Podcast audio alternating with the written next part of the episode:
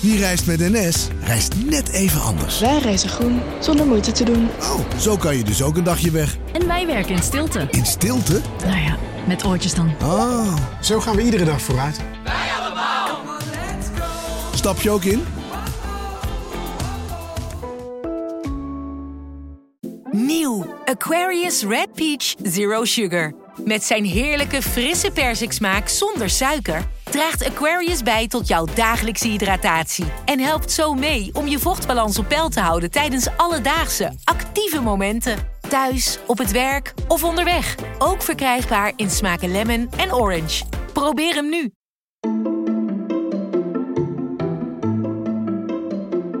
Welkom. Wij zijn Onbehaarde Apen. Dit is een podcast van NRC over wetenschap.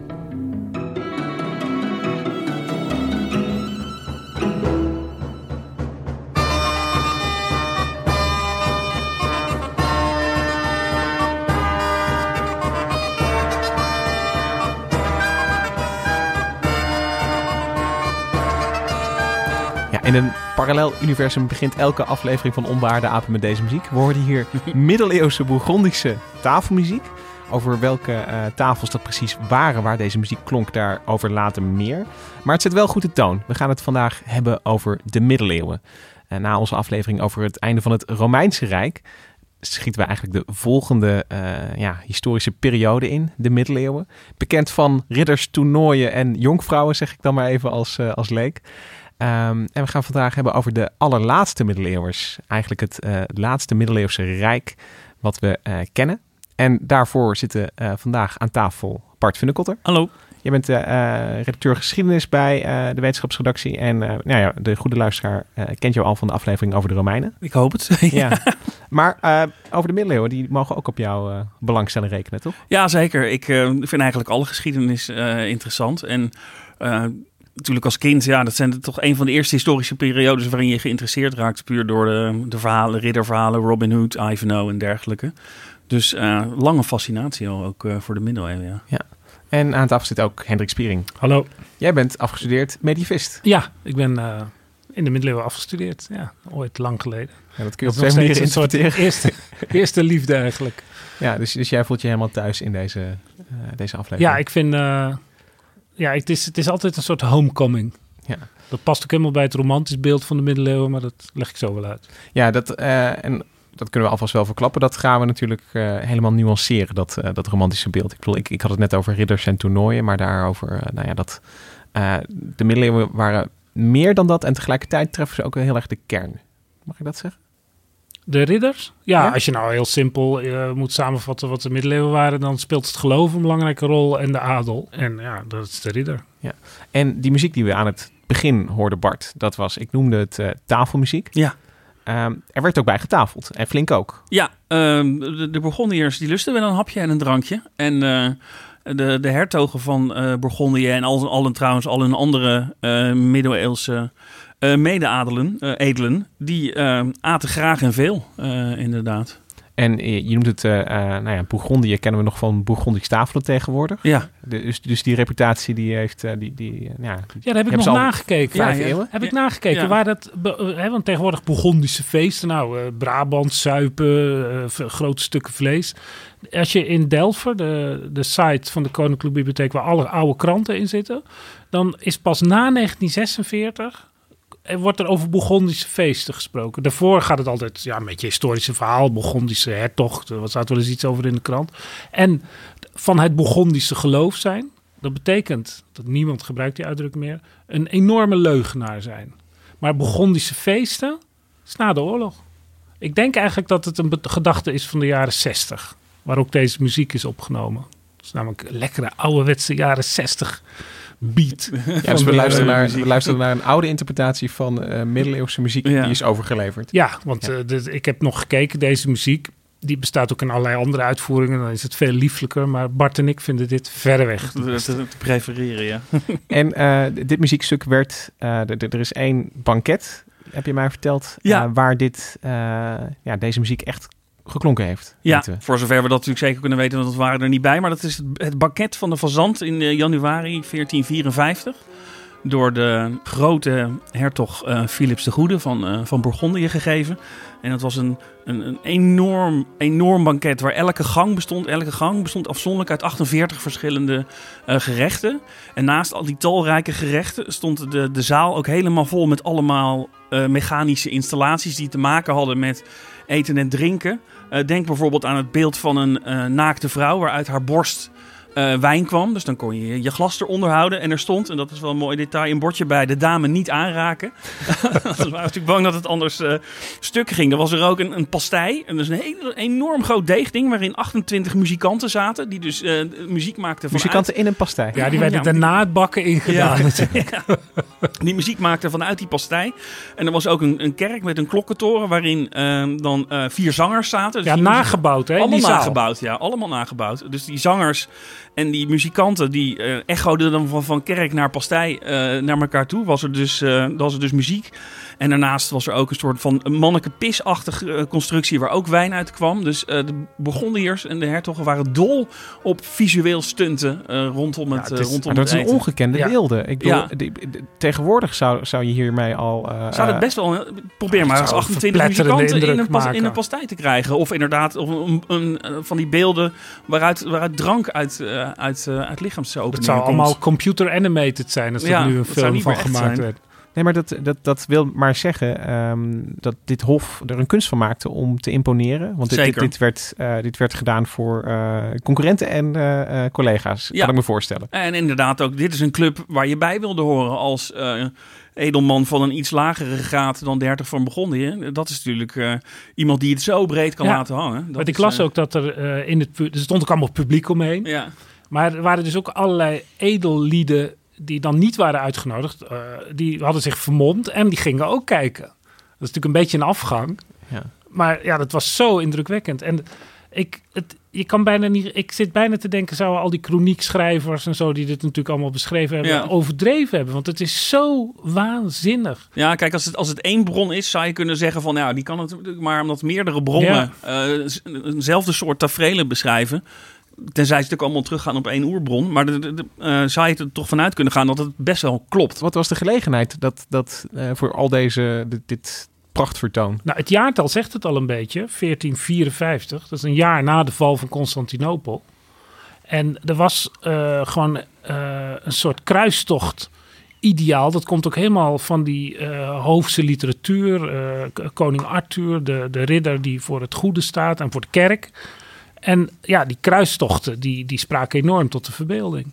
Maar even terug naar dat maquette, want dat snap ik nu nog niet helemaal. Ja, daar een werd- jaar na Constantinopel, maar wat, werd daar iets herdacht? Of, Nou, of- daar, daar zwoeren ze een dure eed eh, om eh, Constantinopel van de, de, de grote Turk te, te gaan bevrijden. En Philips die was dan het eerste en vervolgens namen dus alle andere aanwezige edelen het woord. En die begonnen elkaar te overbieden in hoezeer ze wel niet beloofden eh, de- met de Turk te gaan vechten. Er was er een, een ehm, de heer van Pons, die zei, zolang ik geen Saracen aan mijn degen heb geregen, zal ik op zaterdag niet in bed slapen. Dat is wel het ergste wat ik ja. kon bedenken. En Guillaume de Montigny, eh, die eh, zei dat hij elke avond een deel van zijn wapenuitrusting zou aantrekken alvorens hij naar bed ging. Dat slaapt natuurlijk heel erg ongemakkelijk.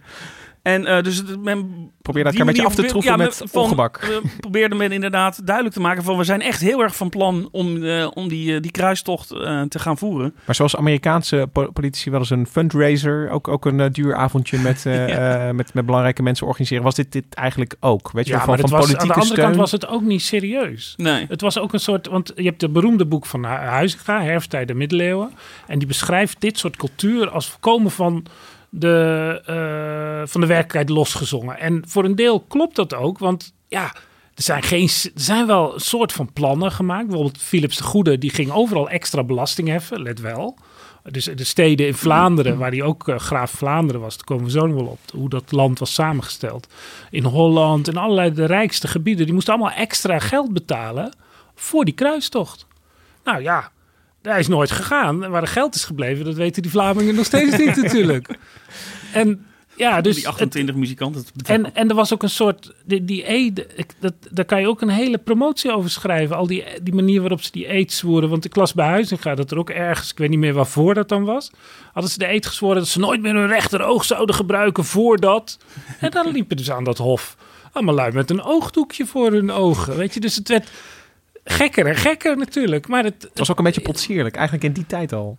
Nou, dat weet ik Nou, niet. het was Ik een weet niet of het zo potsierlijk was, want het was een soort gekkigheid. Maar ja, nu lopen ook mensen er soms gek bij natuurlijk. Vinden we ook normaal. Dit was Maar de of wereld tien- waarin ze wilden leven. En dat leefden ze niet meer. Maar dat was, dit was hun wereld. En dat is wel een belangrijk punt, want waarom we zo uitvoerig stilstaan bij de Bourgondiërs, en ze komen de, de rest van de aflevering nog veel eh, terug, is omdat ze eigenlijk de laatste vertegenwoordiging eh, zijn van dat klassieke middeleeuwse eh, ja, rijk, eh, een, een middeleeuwse Nou, samenleving. Hoe Nou, moet ik het precies zeggen? Het, het, dat is een, het is eigenlijk een poging geweest om, terwijl eigenlijk het allemaal al verdeeld was in, in, in Frankrijk, eh, Keizerrijk Duitsland, heel verhaal hoe dat dan precies was samengesteld, probeerden die Burgondische hertogen eigenlijk een eigen land uit het niets op te bouwen. Vanuit huwelijkspolitiek hadden ze van alles verzameld.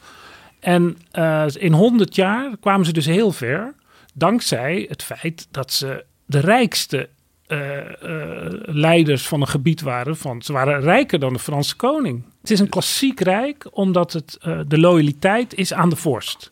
Waarom betaalden de steden van Vlaanderen dat geld voor die kruistocht, om maar een voorbeeld te noemen?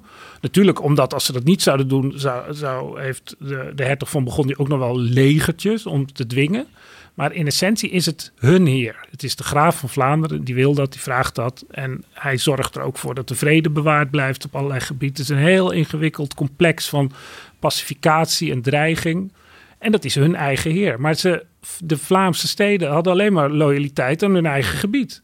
Terwijl in Frankrijk en in Engeland zie je, dat is heel moeilijk om dat precies de vinger op te leggen. Maar je ziet wel dat er een verschuiving is naar loyaliteit aan het idee van Engeland.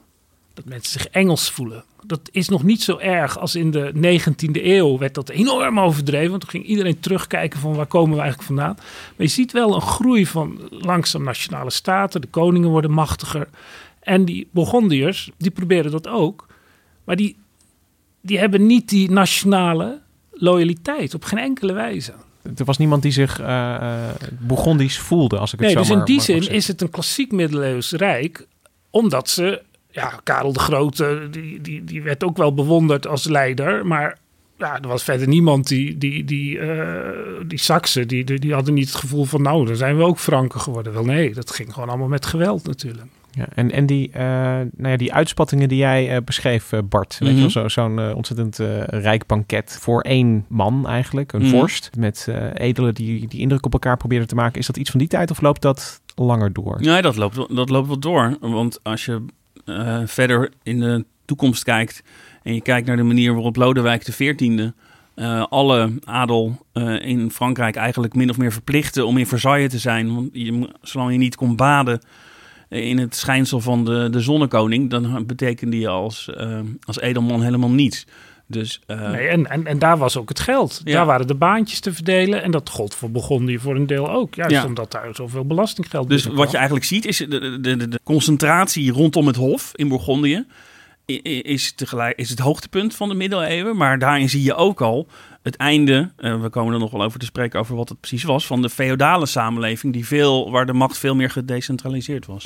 En, eh, want de, de- bepaalde eh, dingen lopen door. Tegelijkertijd is het einde van het Bourgondische Rijk wel het einde van een, een tijdperk. We noemen het eh, de middeleeuwen. Waarom noemen we het de middeleeuwen? Weet je, de Romeinse tijd noemen we gewoon de Romeinse tijd. Naar de, de, de, de- ja, zoals ze zichzelf noemden. Ze vonden zichzelf Nou. Romeinen. Maar de, niemand, kan ik me voorstellen, vond zichzelf een middeleeuwer. Het is eigenlijk een, een term uit de kunstgeschiedenis. In, eh, en het is een middeleeuwse term. Want eh, als je die, die geschiedenis van die term ziet, het, het Latijn is medium evum. Er zijn allerlei varianten, medium tempestas, het gemiddelde tijd. Het is eigenlijk de tijd in de middeleeuwen die er is tussen de komst van Christus, rond het jaar nul weten we nu natuurlijk, en de, de wederkomst van Christus, dat het einde der tijd is. Dat is de, de tijd ertussenin. Maar dat werd al in, in de middeleeuwen zelf werd al gezegd, we leven in de middelste tijd. Ja, achterloos werd dat. Dat was Ja. ook verder geen eh, big deal. Ik bedoel, eh, ja, dat was gewoon zo. Maar de middeleeuwen, zoals we die nu kennen, als periode van, van ja, een beetje vreemde tijd tussen de oudheid en de moderne tijd. Even grofweg gezegd tussen 500 en 1500. Ja, dat is, dat is eigenlijk begonnen met Petrarca, een dichter, een Italiaanse dichter.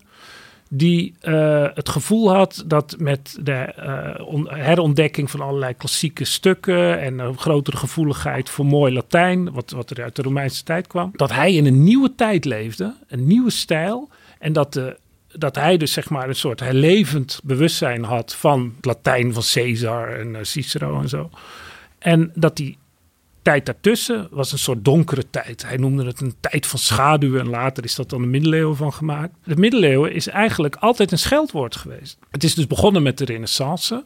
Wat heel erg een, een, het gevoel was van een, eh, ja, ook dat het leven aan, aan deze kant van de dood eh, de moeite waard kon zijn. Niet dat die middeleeuwers dat niet vonden, maar de ideologie was heel erg Maar dat, Van- dat zit dat toch al in de naam. Als je zegt van, van eh, de renaissance, als die zijn naam krijgt, dat betekent letterlijk wedergeboorte. Ja. Weet je wel, van, van alsof er eh, de- daarna weer iets opnieuw begint, wat, wat beter is dan wat daarvoor Ja, kwam. dat is eigenlijk eerst een term uit de kunstgeschiedenis. Schilderkunst, eh, dichtkunst en ook wel een beetje wetenschappelijke kritiek. Je krijgt een betere filologie, een, een, een- meer een gevoel van vooruitgang ook. Dat het niet altijd minder wordt. Want ja, nu herleeft de oudheid. Het is een beetje een trucje. Het is ook geen echt vooruitgangsgeloof. Want we doen eigenlijk nu echt pas goed na wat de gouden tijd heeft gedaan.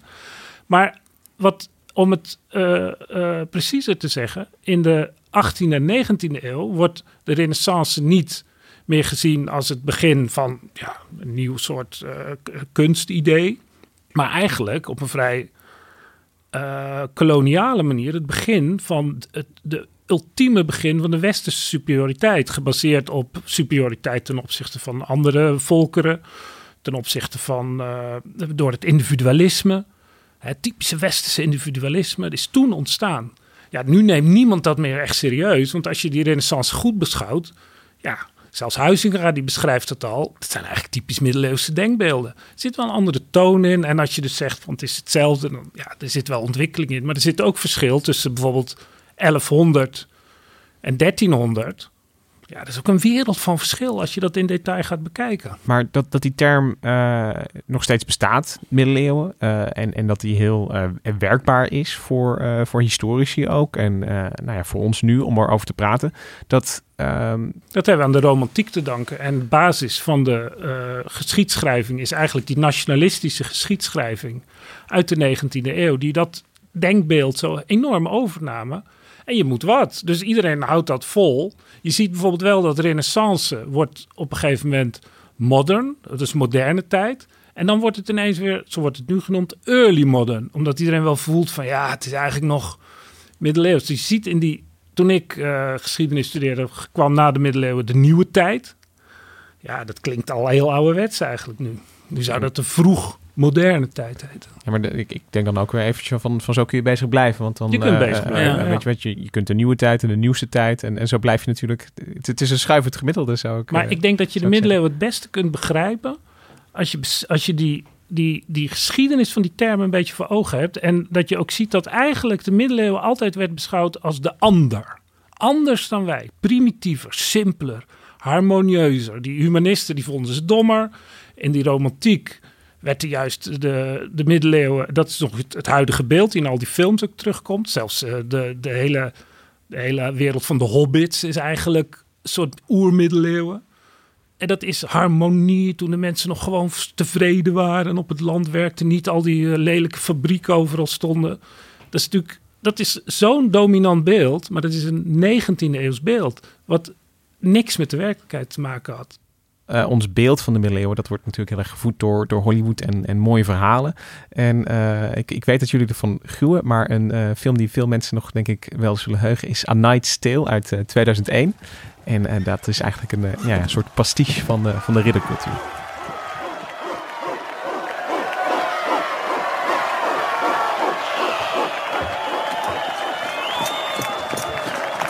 Very good. She watching? Jeff, what? Did she see me? Yes, she saw you. Did she see me take the hit? Yes, she saw you take the hit. Or was she concerned? It was dreadful. Her eyes welled up. It was awful. Ja, Bart, die, eh, eh, die hele film die draait om een toernooi nou, natuurlijk een, een steekspel eh, Ja. wordt er gevoerd en, en heel Amerikaans. Eh, iemand begint eh, laag, maar werkt zich omhoog en wordt uiteindelijk een hele goede toernooivechter om het, eh, het, het hart van een eh, jonkvrouw te winnen. Schone jonkvrouw natuurlijk, inderdaad, ja. Ehm, zulke toernooien waren er wel degelijk. Ik bedoel, het, het, het werd in deze film wordt het natuurlijk Zeker. eh, heel romantisch voorgesteld. Ja, nee, de toernooien waren heel groot. En het was, ook, het was eigenlijk een soort van... Je had ridders voor wie het een soort van businessmodel was. Die reisden van toernooi naar toernooi. Om daar geld te verdienen. Bijvoorbeeld door eh tijdens een, eh, een, een wat groter gevecht, een melee... eh, iemand eh, gevangen te nemen bijvoorbeeld. Je hebt een hele eh, beroemde eh, ridder... waar Georges Duby een boek over... de, de Franse medievist... Willem de Maarschalk inderdaad, ja. Die de, de, de, de grootste ridder van zijn tijd was. En dat zou ik maar zeggen, de, de Messi en de Ronaldo van het toernooiwezen. Die, eh, die iedereen erop legde in gigantische gevechten. En dat, dat, dat daar speelden ridders. Dus eigenlijk dat ze ridders waren bij gebrek aan echte eh, oorlogen. En vaak ook wel eh, een soort van sublimering van, eh, van echte Ja, maar oorlogen. het was, in, het was voor een deel, want die Maars, Maarschalk, dat was volgens mij 1200, was nog echt een Ja. oefening voor het gevecht. En zelfs in die Burgondische tijd werd er natuurlijk nog gewoon met harnassen op een paard, werd er gevochten. En ja, het had wel enige, het was wel, het, het ook wel, je ziet, dat is dan ook die overgangstijd, want de buskruid was al uitgevonden. Zo slim waren ze wel. En eh, er is ook een prachtig verhaal van de, de, de Burgondische tijd had je een, een Burgondische ridder, Lalangue. Ik weet niet of ik het helemaal precies goed uitspreek. Maar die, die, die trok op een gegeven moment met 80 ridders om zich heen van land naar land om overal toernooien te doen. Vaak werd hij weggestuurd. In Frankrijk mocht hij niet optreden, want het werd veel te duur. Want ja, het moest allemaal onderhouden worden natuurlijk. En die komt uiteindelijk om het leven, omdat het was niet alleen maar een feestridder, maar ook een ridder die optrad eh, als, als opperbevelhebber, of in ieder geval als bevelhebber.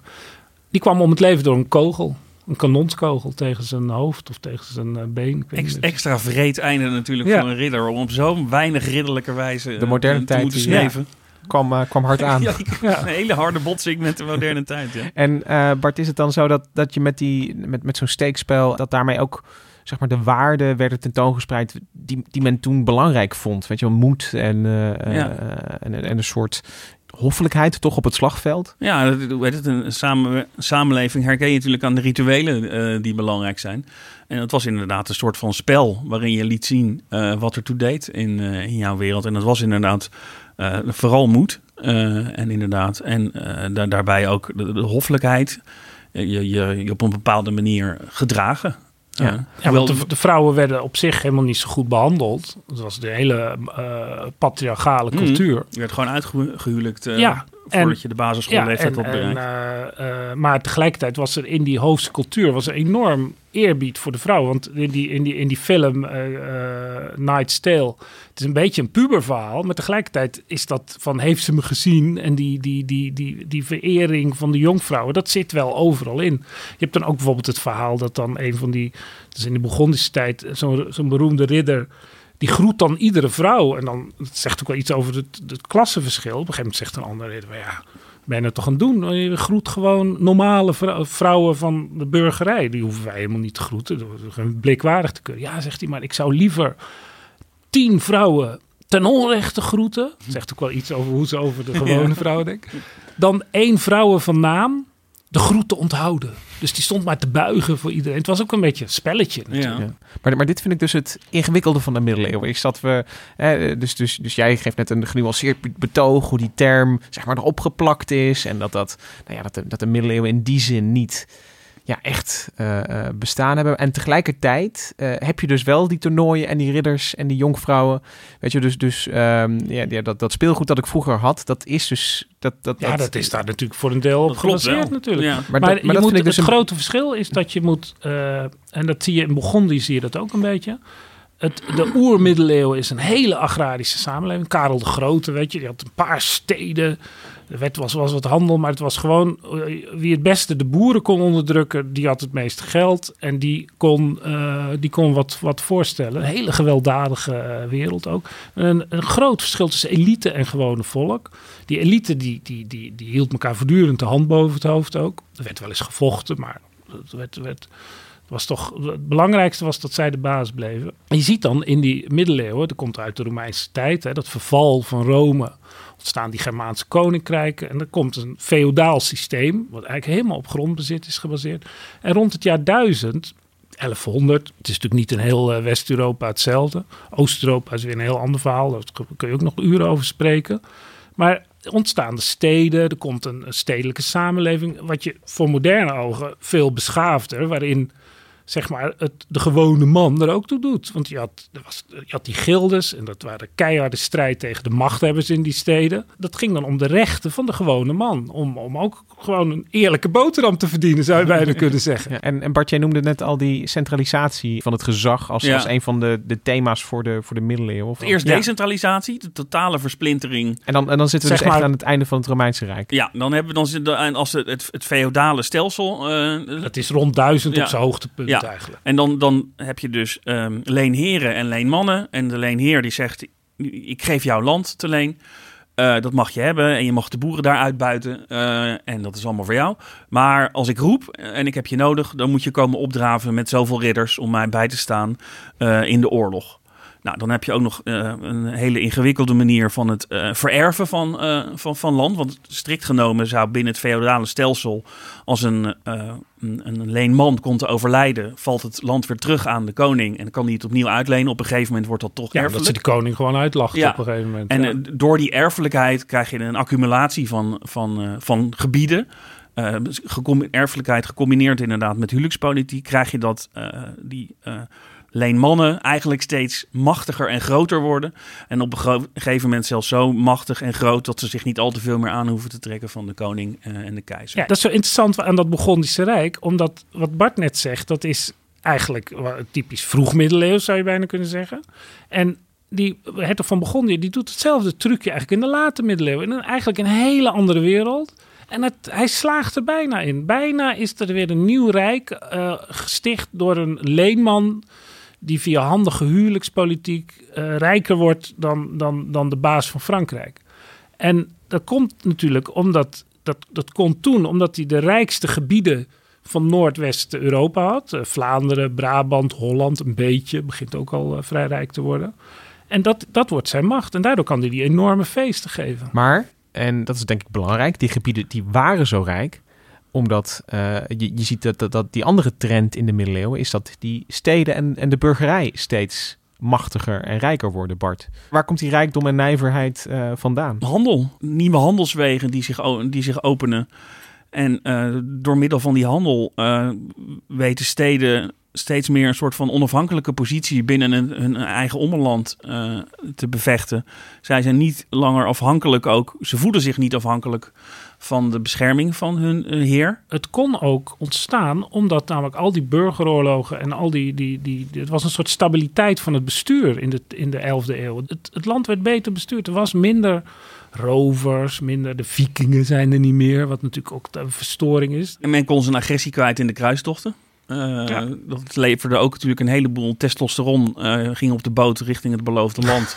om, dat te be- om dat te bevrijden van, eh, van de, de Moren. Ja, het ridderschap, wat een soort temming is van de wilde Germaanse krijger eigenlijk, met een christelijke saus. En, en dus, dus nu zitten we misschien op een plek waarin we kunnen zeggen: dit, dit was. eh, hier komen de Bourgondiërs ten tonele. Ja. Aan de ene kant heb je dus nog wel dat systeem van eh, landbezit en, en trouw aan een vorst. Eh, aan de andere kant heb je eh, een opkomende rijkdom in de steden. En dan zijn daar de Bourgondiërs en de eh, goede televisiekijkers die eh, in de jaren 60 televisie kijken. Want de televisieserie Floris die speelt zich af in het Bourgondische Rijk. Goeiedag, heer. Mijn naam is Gewijde van Suikerbuik. Ik ben Walter van Oldenstein. Heer Wolter, ik ben speciaal afgezant van ons beide gebieder, Philips de Schone, hertog van Bourgondië. Juist. Mag ik dan uw geloofsbrieven? Geloofsbrieven? Vertrouwt u mij niet? Bij ons in Vlaanderen is men kiezer. En hier is men voorzichtig. In orde. U begrijpt mijn voorzichtigheid. Ach ja. Laat bier halen. Ja, we hoorden hier een eh, suikerbuik die zich eh, voorstelt aan eh, de heer van Oldenstein. Wat, wat gebeurt hier, Bart? Wat is, eh, hoe, hoe zit de dynamiek hier? Eh, nou, er is dus een, een, een- gezant die zich beroept op, dat is natuurlijk wel het interessante, op een, hun, hun, beider, eh, hun beider heer, eh, eh, de hertog van, van Bourgondië. En dat is, het is in zoverre wel grappig dat eh Gelre er eh, als aller, allerlaatste eh, gedeelte aan de zegenkar van de hertog van Bourgondië eh, werd gebonden. Dus het is, het is maar de vraag hoe Bourgondisch men zich daar voelde als men zich überhaupt ergens in de Nederlanden al, al Bourgondisch voelde. Dat was ongeveer de, de grootte van het Rijk. Ja. Dat, dat, dat, dat je, je, je zit in, in Bourgondië zelf, dat ligt in, in, in Midden-Frankrijk. Ja, rond Dijon. Ja, Ja. En, dan, en dan ga je dus eh, via eh, West-Vlaanderen, eh, is op een, gegeven, op een gegeven moment onderdeel van Bourgondië. Ja. Je hebt Brabant. Dus, Komt er dan bij. Holland uiteindelijk. En Gelderland bu- buigt dan als allerlaatste, als allerlaatste de knie. Is misschien wel denken van goed om even heel even een stapje terug te doen in de geschiedenis. Te zeggen van waar komt Bourgondië vandaan? Ja. Nou, je moet dat zien tegen de achtergrond van de 100-jarige oorlog tussen Engeland en Frankrijk. Ehm, dat was een, een, een oorlog die, de naam zegt het al, best wel lang duurde. En de Fransen regen daar de nederlagen aan een eh, in het begin. De Engelsen marcheerden eh, ongestoord over het Franse platteland, eh, legden alles in, in de as. En met de slag van Poitiers in 1356, eh, ook een wederom door de Fransen verloren veldslag, is eh, Philips, de jongste zoon van de Franse koning Jan II, die heeft zich tijdens die verloren slag dan wel zo heldhaftig gedragen, dat zijn vader zegt, ik maak jou eh, hertog van Bourgondië als, als beloning. En ehm, nou, dat, is een, dat was een hartstikke mooi. Iedereen die er wel eens op vakantie geweest eh, is, weet dat het eh, prettig toeven is daar tussen de, Beroemd tussen, om zijn wijn. tussen de wijnranken, eh, inderdaad. En, dan en dan gebeurt er iets. Ehm Philips opvolger eh, Jan Zonder Vrees, dus eh, zijn zoon, eh, die slaagt erin om eh, van dat hertogdom Bourgondië een soort van machtsbasis eh, te maken. En dat komt vooral omdat tegelijkertijd de koning die dan op de Franse troon zit, eh, Karel VI, die is... grote tijden, die is tijdenlang af, heeft die, kent hij eh, periodes van waanzinnigheid. Die denkt dat hij van glas is en dat hij zal breken bij de minste aanraking. Dit is, dit is serieus. Ja, het is, Ja, eh, hij, is, hij is serieus, echt hoor, ja. ja. geestesziek. Ja, hij is zwaar geestesziek. Ja, maar vaak alleen eh eh, 's smiddags of 's ochtends. En er is een beroemd verhaal over de onderhandeling met de Duitse keizer in die tijd, Sigismund, die eh zwaar aan de drank was. En, eh, maar 's ochtends was de koning van, eh, van, was de keizer van Duitsland helder. En, maar 's middags was hij dronken. En bij de koning van Frankrijk was de gekte precies andersom. Dus die onderhandelingen leidden nergens. Maar- dit, dit, dit moet denken aan. aan eh, we zijn allebei fan van deze podcast. Hendrik, Dan Carlin, Hardcore Ja. History. Die, die heeft het altijd over dit soort. eh, nou ja, met, zolang de macht overerft. Dat is eigenlijk als de rol van een dobbelsteen. Ja, En je kunt soms echt pech hebben en, en één rollen. En, Ja. En dat klinkt alsof de Fransen dat in dit geval. die hadden een tijdje een vrij lang, een, een stevige één inderdaad. En Ja. je had da- daarnaast dus een, een hertog van Bourgondië, die Jan zonder vrees, die eh, niet bang was om eh, zijn kans te grijpen. En er ontstaat dan een, een soort van strijd binnen eh, Frankrijk tussen de Bourguignons, dus de Bourgondiërs, en de Armagnacs. En dat zijn de, de, de, de aanhangers van de broer van de waanzinnige koning, Lodewijk. En Jan van der Vrees, die laat die broer Lodewijk dan ook vermoorden. Dus die voert echt keiharde eh, machtspolitiek eh, met het mes tussen de tanden. Want voor hem staat op het spel. Hij wil zijn. Hij zijn- wil op die manier de macht in Frankrijk naar zich toe trekken, aanvankelijk. Eh, nou goed, eh, tien jaar nadat hij zelf, eh, nadat hij Lo- die eh, Lodewijk heeft laten vermoorden, wordt Jan van der Vrees zelf vermoord. En dan komt Philips de, de Goede, zijn zoon, aan de macht. Ja, en de die, derde hertog ja, eigenlijk. de derde hertog. En die kijkt dan ook met de schuinoog naar Frankrijk. Maar omdat eh, die eh, inmiddels eh, Vlaanderen bij het hertogdom van Bourgondië is getrokken via het huwelijk. denkt hij van, ah, wacht, Brabant en Holland zitten ook met een moeilijke erfopvolging. Dat gaat niet gebeuren. Er is geen mannelijke erfopvolger daar. Dus die, kan, dat, die gebieden kunnen mij ook in de schoot vallen. Ja, en die zijn ook allemaal via huwelijken en Ja. overerving. En Luxemburg hebben ze dan ook al. Dus Ja. er begint al echt een soort, ja, een soort oud middenrijkje te ontstaan. Ja. Wat half in Duitsland, half in Frankrijk ligt. Klopt, want dit, he- het heeft eh, zo ongeveer de vorm van het, het, het minderrijke eh, Lotharingen. eh, wat na de, de dood van Karel de Grote ontstond. Tussen Duitsland aan de ene kant en Frankrijk aan de andere kant. Daar heeft gedurende enkele decennia een middenrijk eh, bestaan. Dat naar de, de, de naamgever daarvan eh Lotharingen, Lothar, eh, Ja. Lotharingen is genoemd. Dus dat dat lijkt er- het idee is ook nooit vergeten. Nee, het is altijd klopt. blijven bestaan. dus, dus in die kier tussen Frankrijk en, en, en Duitsland ziet Philips de Goede dus een kans van... wacht eens, als ik nou mijn elleboog eens even breed maak... dan kan ik die kier zo ver oprekken... dat er misschien een levensvatbare feodale en territoriale entiteit Ja, en- ontstaat. En, en Zijn dat, dat, vader was heel agressief eigenlijk. Ja. Maar eh, Philips de Goede was eigenlijk was totaal geen strijdman. Nee. Maar een diplomatiek genie. Ja. Weet je, duwen, niet te ver, weer duwen, niet te ver, weer duwen. En zo ja, alles viel, eh, alles viel zijn kant op eigenlijk. En, en dat dit mogelijk is, is puur en alleen omdat het, het, het hele Europese systeem is nog steeds gebaseerd op, Ja. eh, op, op erfoverdracht Ja, eigenlijk. ja. Van, van zodra iemand komt te overlijden, dan, dan, dan gaat die hele kwestie spelen Ja. van, van wie erft de gebieden. En dat wordt dan opgedeeld. Ja, en, precies. Ja, maar nou een modern, modern kantje van eh, de late middeleeuwen. Dat als hij dan in Vlaanderen of in Holland eh, graaf wordt. Hè, want het, het werd niet bij het hertogdom getrokken. Nee, de hertog van Bourgondië, die werd ook graaf. Dus hij had Ja. gewoon een hele bos met sleutels op een gegeven moment. Maar het had allemaal verschillende sleutels. En eh, als hij dan dus graaf van Vlaanderen werd, dan moest hij ook beloven dat hij de gewoontes van eh, Vlaanderen zou gehoorzamen. Dat moest iedere keer opnieuw worden gezegd. En zelfs zo erg dat het eh, in sommige van die privileges, zo werd het dan genoemd, werd dan ook bepaald dat als hij zich niet aan die aan de wetten van Vlaanderen of Holland of Gelre, noem maar op, dan was zijn titel eigenlijk niks meer waard. Dan mocht hij, mocht, mochten de mensen hem ongehoorzaam zijn. En is er ook nog een, een eh, tussenvorm denkbaar? Want, want eh, de, Philips de Goede die, die rijgt dus al die titels achter elkaar. Mhm. Maar, maar je kunt ditzelfde eh, effect misschien ook bereiken als de graaf van Gelre bijvoorbeeld trouw aan jou zweert. Kan dat? Is, is dat... Nee. Ja, maar dan heb je er toch veel minder invloed op dan wanneer je zelf, dat je zelf de graaf van eh, bent. Ja, Dan heb je er echt minder aan, Ja. zeg maar. Ja, want dan, eh, kijk, je, je kunt iedereen benoemen. Je hebt, eh, je hebt allerlei invloed. eh, je, de, de- als, je, als dat weer via een ander mannetje is, dan, ja, dan vis je maar achter net. Je ziet ook een bureaucratisering van Bourgondië. Ze hebben ook, dus proberen de rechtszaken eh, bij de Grote Raad van Mechelen te brengen. En zo zijn er een aantal dingen, ja, voorzichtige eenheids, maar dat ging allemaal heel moeizaam. En, Want eh, en, niemand en- had er zin in. en zoals het in Bourgondië werkt, werkt het op dit moment nog, nog steeds hetzelfde in eh, hè, de, tijd dat we spreken, dus die 14e, 15e eeuw in, in Frankrijk. Ja, Dat- dat- steeds minder eigenlijk. Steeds minder. Dat, Dat is het interessante. interessant. Bourgondië is tegelijkertijd, zou ik maar zeggen, kun je zeggen, de laatste keer dat deze middeleeuwse vorm, staat, manier van staatsvorming schittert. Want ondertussen zijn er in Frankrijk en Engeland eh, al hele andere eh, processen aan de gang. En in, Frankrijk is het zo dat de koning eh, steeds meer land aan het, vorstelijk domein trekt. Dus steeds meer land wordt gewoon van de koning. En de koning is bezig om inderdaad een veel steviger territoriale machtsbasis voor zichzelf te creëren.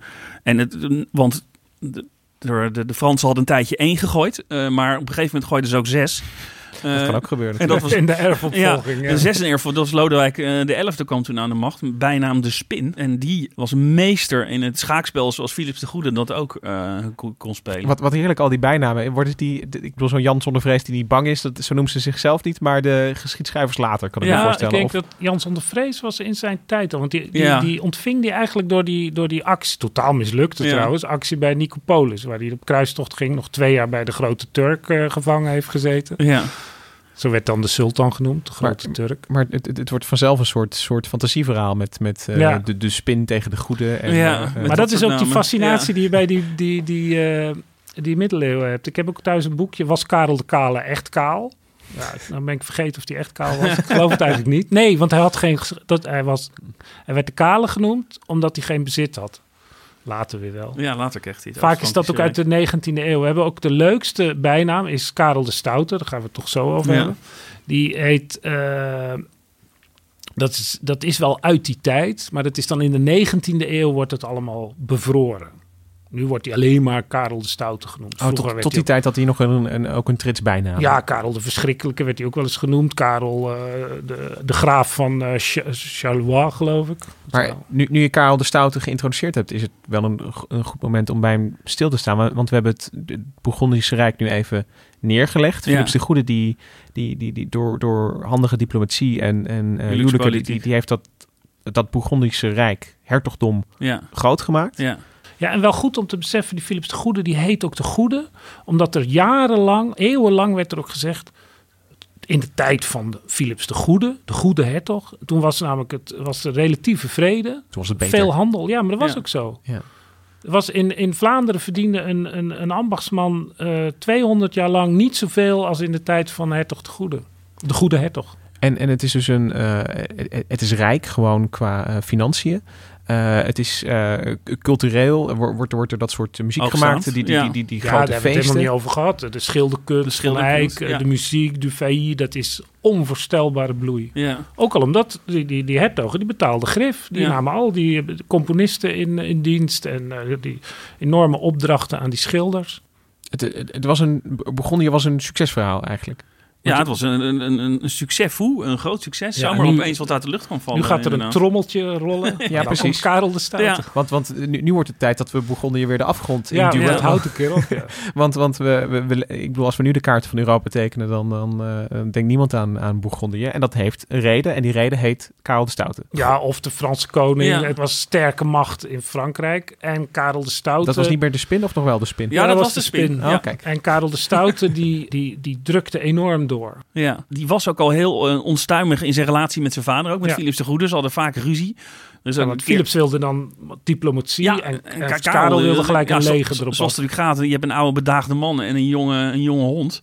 En dat was, ze hebben een keer zo erg ruzie gehad dat Philips een keer met, bij wijze van spreken, met betraand gezicht het, het, het kasteel verliet en de bossen inging. eh, omdat hij het gewoon eh, zo eh, kapot was over de slechte relatie met, met zijn zoon. Maar, maar zie hier dan toch de, de, de, de ultieme reden dat, dat erfopvolging eigenlijk zo'n slecht idee is? Aan de ene kant is, is het, geeft het een hoop stress op, want je moet een, een mannelijke erfopvolger hebben. Nou, dat, dat zal Philips bij de geboorte zal die blij zijn geweest. Ja, met, met, zeker. Met Karel. Nou, Philips de Goede had trouwens 28 kinderen, maar, maar enkele bij zijn Binnen wettelijke natuurlijk. vrouw. Nee, maar dan, dan eh, oké, hoera, een, een, een jongen, maar dan, dan, maar dan blijkt het een beetje een opgewonden standje te zijn. Ja. En, en dan Nou, hij was ook wel, hij was ook wel kundig. Ja, Alleen hij, ja, hij, een hij- kundig opgewonden standje. Ja. hij was te fanatiek. Ja. En hij Onstuimig. wilde alles tegelijk Ja. ook. Hij wilde en, dat, vond ik, dat las ik nou laatst in dat boek van eh, Wim Blokmans over de Bourgondiërs, dat die eh, enorme centralisering van die eh Bourgondische landen. Er was natuurlijk enorme ruzie met al die steden. Dus dat, dat, ja, dat kost natuurlijk enorm veel tijd. En, maar dat, dat, dat, dat drukte hij dan gewoon door en dat krijg je later terug. Maar ook, dan centraliseer je het. Maar benoem dan goede mensen, weet je. Dat, dat, dat er dan een zeker vertrouwen kan ontstaan in dat harde bestuur. Maar hij verkocht vervolgens al die ambten, die verkocht hij aan de meest biedende.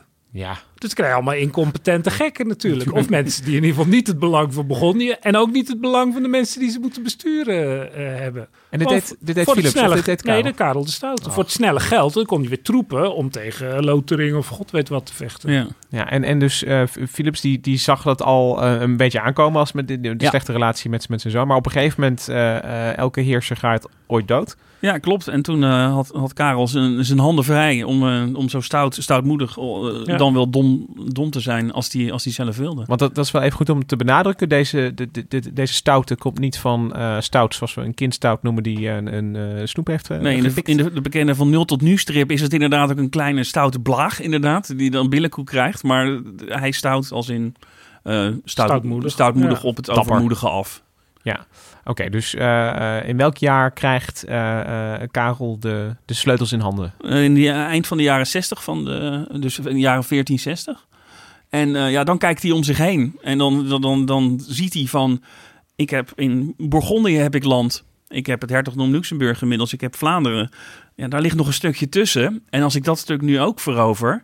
eh, dan heb ik een aaneengesloten eh territoriaal rijk. En dan kan ik me ook tot koning laten Ja, uitroepen. klopt. Want dat wilde hij heel graag. Hij wilde zich dan door de keizer van het Heilige Roomse Rijk... eh, dus de Duitse keizer...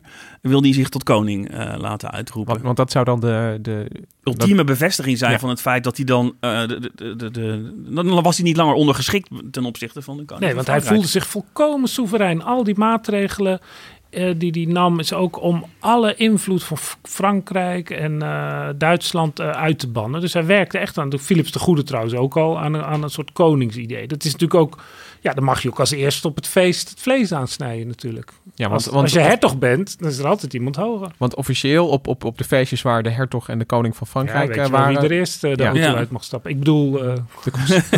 de koets. Oké, dus eh, eh, Karel die, die, die ziet nog een stukje land wat, hij- wat hij goed kan gebruiken. Eh, maar met alles wat jullie mij vertellen, zo'n zo'n machtig rijk als Bourgondië, moet het dan toch ook een peulenschil zijn om zo'n zo'n dwergstaatje te vermorzelen? Ja, het probleem is als je maar op genoeg tenen tegelijk Ja. staat, dan eh, en je maakt te genoeg mensen, eh, je maakt te, te veel mensen tegelijk boos. Ja, dan op een gegeven moment ben je de, ben je de pineut. Karel had al ruzie met Frankrijk, was al in oorlog verkeer, verkeerde al in oorlog met, Ja. met Frankrijk. Eh, begon ook eh, de Zwitsers, eh, die notoor lastig zijn als iemand zich met hem probeert te bemoeien. provoceerde die, dus daarin, daarmee raakte hij in gevecht. En toen probeerde hij dus ook nog het hertog Dom Lotharingen aan zijn, aan zijn rijk te binden. En dat liet in het Duitse Rijk ook allemaal alarmbellen afgaan. Hij overspeelde zijn hand, zocht ruzie met te veel mensen tegelijk. En dat is hem uiteindelijk Ja. fataal geworden. Dus ik denk echt dat zijn beste bijnaam Karel de Ongeduldige. Van deze eh, veldslagen, batailles, zoals de Fransen ze noemen, zijn ook eh, eh, meer dan, dan hier. Want die geschiedenis van Bourgondië is in, in Nederland toch altijd een beetje on- onderbelicht, maar in Frankrijk niet.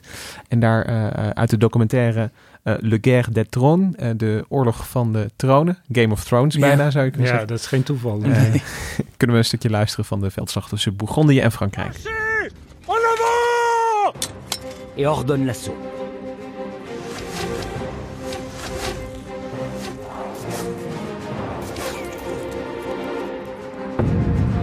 La bataille est très confuse et le chaos total.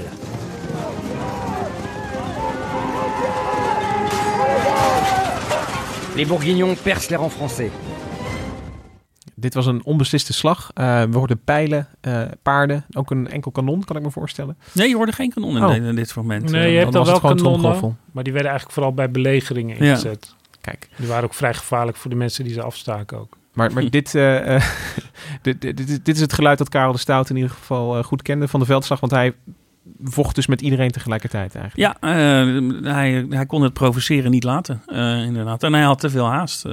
en dus ja, dat leidde tot de ene veldslag na de andere. En waar hij in dit, dit gevecht dan, de slag bij Montlhéry, eh, eindigde dan nog in een soort van gelijkspel. Maar op een gegeven moment, in de jaren 70 eh, van de 15e eeuw, begon hij dus eh, veldslagen te verliezen. Ja, en ook dan gaat hij in een of ander stadje belegeren. Eigenlijk vrij onbelangrijk. En dat doet hij dan een jaar lang. Weet je, die lui die verzetten zich. Het lukt hem niet om het binnen te vallen. En dan is hij een jaar bezig met één stadje.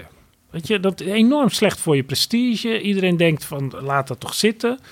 En dat doet hij dan toch. Dus een soort fanatisme zit erin. Maar hij heeft ook een staand leger. Ja. Maar die is kennelijk niet goed geoefend. Er zitten zoveel raadsels in dat verhaal. Die, eh, ja, nee, niet goed, verder uit te niet, is. niet, niet goed geoefend. En, eh, en elke keer als er natuurlijk eh, soldaten doodgaan en hij verliest er nogal wat, dan moet hij natuurlijk nieuwe kopen. En wat dat betreft komt ook de bodem van de schatkist wel in zicht eh, bij hem. Het, het, het wordt bijna, eh, ik, ik hoor mezelf herhalen, maar een, een voetbalcoach die zoveel nederlagen eh aan één rijgt, die, die wissel je. Die, die, die wordt op een gegeven moment weggestuurd. Maar het Ja, probleem is nee, hier dat dit je... de- een arroganter eh, voetbalcoach bestaat er niet. hij, blijft hij voelde zitten. zich volkomen soeverein. En als de, de, de, de Vlamingen of de Brabants zeiden... Ho, ho, ho, waarom moeten we zoveel belasting betalen?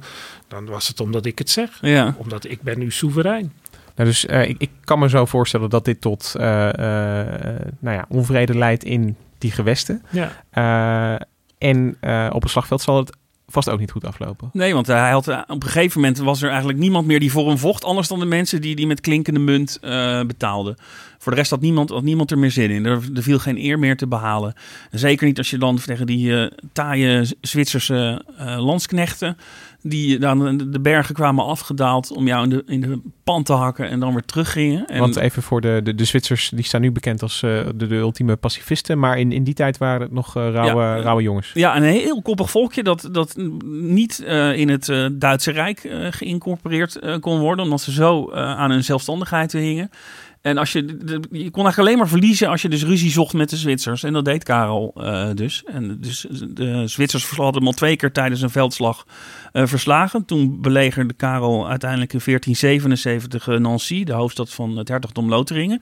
Het hertogdom dat hij nodig had om al zijn gebieden aan elkaar te Ja, en lossen. om die koningskroon van Ja. Lotharingen. En dat, dus daar bij Nancy uiteindelijk is het dus de, de hertog René van Lotharingen... die met behulp van de Zwitsers de, de, de de laatste definitieve nederlaag eh, toebrengt. En eh, waarbij Karel uiteindelijk ook op het slagveld... eh, Hij komt om op het slagveld. Ja, Dat, is, dat is dan echt, weet je, dieper kan het niet eindigen. Nee. En het valt als een als, als alles valt uit elkaar dan. En hij wordt ook pas na twee dagen gevonden. Ja. Geplunderd, helemaal een naakt Naakt, ja. Weet je, dieper in de, vastgevroren in de grond. In januari was het. Ja. Het is, ja, weet je, ik bedoel, als je het zou verfilmen, zou je zeggen, ho, ho, ho, rustig gaan. Maar En is die een dood, verhaal. Die dood op het slagveld was eigenlijk ook al een compleet anachronisme. Want de koning die... die Ik die, zeggen, het is, die- het, is, die vo- het is idioot. Ja, die vocht helemaal niet meer in de, in, in de voorste linie. Ze zijn sinds Karel, ik zit even te denken hoeveel koningen er sindsdien nog op het slagveld zijn omgekomen. Het zijn er niet veel. Nee, er is een koning bij een toernooi omgekomen. Ja, maar, dat, eh, maar voor de rest, nee. Want bedoel, Frederik de Groot heeft het wel geprobeerd. Eh, die, heeft, die vocht bijvoorbeeld, de Pruisische koning, die vocht mee in de voorste linies. Maar eh, Karel was echt een van de laatste Ja, dat is wel interessant, ja. eh, heren van stand. Die eh, zo dom was om zich op het slagveld een kopje kleiner te laten maken. Maar de, En wat heel belangrijk is in middeleeuwse eh, eh, dynastieke termen, wie laat die achter? Een dochter van Ja, een 18 dochter. jaar. Nou ja. Ongetrouwd. Erger kon niet, eh, inderdaad. Maar ze was wel verloofd ja. met de zoon van de Duitse keizer. ja. ja. ja, goed. En wie was de naam van de Duitse keizer? Habsburg, ja, en zo. Oh, die kennen En we. dat, Ja. ja. en dan, dus die, die hebben later die dynastieke politiek ook totaal voortgezet. Ja. Want die erven dat, dat, dat een, een deel van dat eh, land van. eh, Ja, want, want dat was mijn volgende vraag van dat Bourgondië. Dat het, het middeleeuwse rijk eindigt dus met zijn gezicht in de sneeuw. Ja. Eh, eh, lullige kan niet. En, en dan valt het uit elkaar, want, want hij heeft geen erfopvolger. Nee. Dus eh, gaat het dan zo Nou dat- ja, kijk, hij heeft een erfopvolger. Het land is van Maria van Bourgondië. Ja. Maar dat is een meisje van 18. Ja. En eh, de, de, de Spin, de koning van Frankrijk, die grijpt onmiddellijk het hartland van Bourgondië. Dus dat, en het is ook wel interessant. De, de, de, dat werd de, de hoofdstad Dijon. Dat werd bestuurd natuurlijk door een soort stadsbestuur. En die moesten beslissen: wat gaan we doen? Gaan we ons verzetten? Of steunen we nog steeds de dynastie? En die geven zich echt zonder vorm van strijd over aan de Franse koning. Omdat ze denken: ja, eh, nog meer oorlog. Ja. We hebben al tien jaar oorlog gehad. En dan zouden ze een, een lot verbinden met, met een meisje van Van 18 18 jaar. Ja, en, Ja. dan, en, dan, dan, dan, dan, en die wisten natuurlijk wel dat die Duitse keizer en die zoon van hem, die zaten natuurlijk al eh, op de achtergrond. Die zaten maar dan, te gaan we weer, Ja. weet je wel. Dus die Ja. dachten, weet je, we gaan gewoon met Frankrijk. Geen problemen. We spreken Frans, geen probleem. Dus dat Bourgondisch hartland gaat daar naartoe. Ja. Waar, waar gaat Vlaanderen heen? Is dat weer zelfstandig dan? Nee, nee, ja, dat, dat eh, belandt dus via dochter eh, Maria, Karels dochter Maria, belandt dat bij de Habsburgers. Eh, en daar ligt dus de kiem voor de, de 80-jarige oorlog eh, En want- later. Eh, eh, Holland, gaat dat ook naar de Habsburg? Ja, ja. die, die nemen dat hele Ja, die pakket nemen het hele over. Die nemen Brabant, nemen Ja, en heel belangrijk. En dan moet dus Maria, die natuurlijk de, de echte erfopvolger is, die man staat ernaast. Maar die is niet de graaf van Vlaanderen of de graaf van Holland. Zij is de gravin. En die moet dan ook, dat heet het groot privilege. Die moet alle klachten die er zijn over het ingrijpen van Karel, dat moet ze allemaal toegeven. En dat is eigenlijk binnen een paar weken bekeken. Dus je voelt dat iedereen heeft er helemaal, helemaal genoeg van. Laten we gewoon weer teruggaan naar hoe het ging. En dan sterft zij na een jaar of vijf. Valt Ja. ze van een paard. Ja, heel ongelukkig. Heel ongelukkig. En dan is er een zoontje van jaar of vijf, Philips de Schone, de vader van Karel V. Maar dan zitten we alweer veel verder in eh, de Nederlandse geschiedenis. Maar om even te, terug naar het, het, het einde van Bourgondië. Ik bedoel, we, we laten de middeleeuwen hier een beetje eindigen. Omdat vanaf nu breekt de tijd aan van de absolute monarchieën. Ja, die, die- Nou ja, langzaam. die komen dan eh, vanaf... Ze die- zouden wel willen. Ja, die ontstaan... Ze staan klaar. Ja, die ontstaan dan in de, in de, de, de twee eeuwen daarna. Heel Europa, nee, een klein hoekje. Ja. Want Nederland is dus typisch, eh, dus de, republiek is een middeleeuwse opstand tegen die gecentraliseerde macht van de Habsburgers. Oh, Ja, zo had ik het nog nooit bekeken. ja, nee, maar dat is zo, anders kan je het niet begrijpen. Want Ja. in feite, de, de, de, de hele bestuur van, van de republiek is middeleeuws. Staten-generaal, Staten van Holland op zijn 1130 Iedereen moet een praatje doen, iedereen moet meetellen. We vinden onszelf zo modern met onze republiek, maar eigenlijk... Ja, eh, zo achterlijk waren die middeleeuwse instellingen niet. Dus die konden er ook de wereld mee veroveren. Ik vind dit wel een hele mooie eh, doordenker om, eh, om deze aflevering mee te besluiten. En, en zo luidde het einde van het, de Bourgondiërs toch de moderne tijd. En als ik het even volgens die klassieke indeling mag... ik zie Hendrik een zuinigjes knikken. Mm, ja. vooruit. Eh, voor hier eh, een einde aan de eh, middeleeuwen. En volgende week zijn we er weer. Vergeet je niet te abonneren. Wil je nou iets laten weten? Laat dan een reactie achter. Dat kan naar podcast.nrc.nl. Kun je een mailtje sturen. We zijn NRC Wetenschap op Twitter. We horen graag wat je van ons vindt. Dat vinden we altijd leuk. En als je nog een idee hebt voor een, een, een onderwerp dat we zouden moet- moeten behandelen, dan, dan mag dat ook. Wij zijn er volgende week weer en jij hopelijk ook. Tot dan.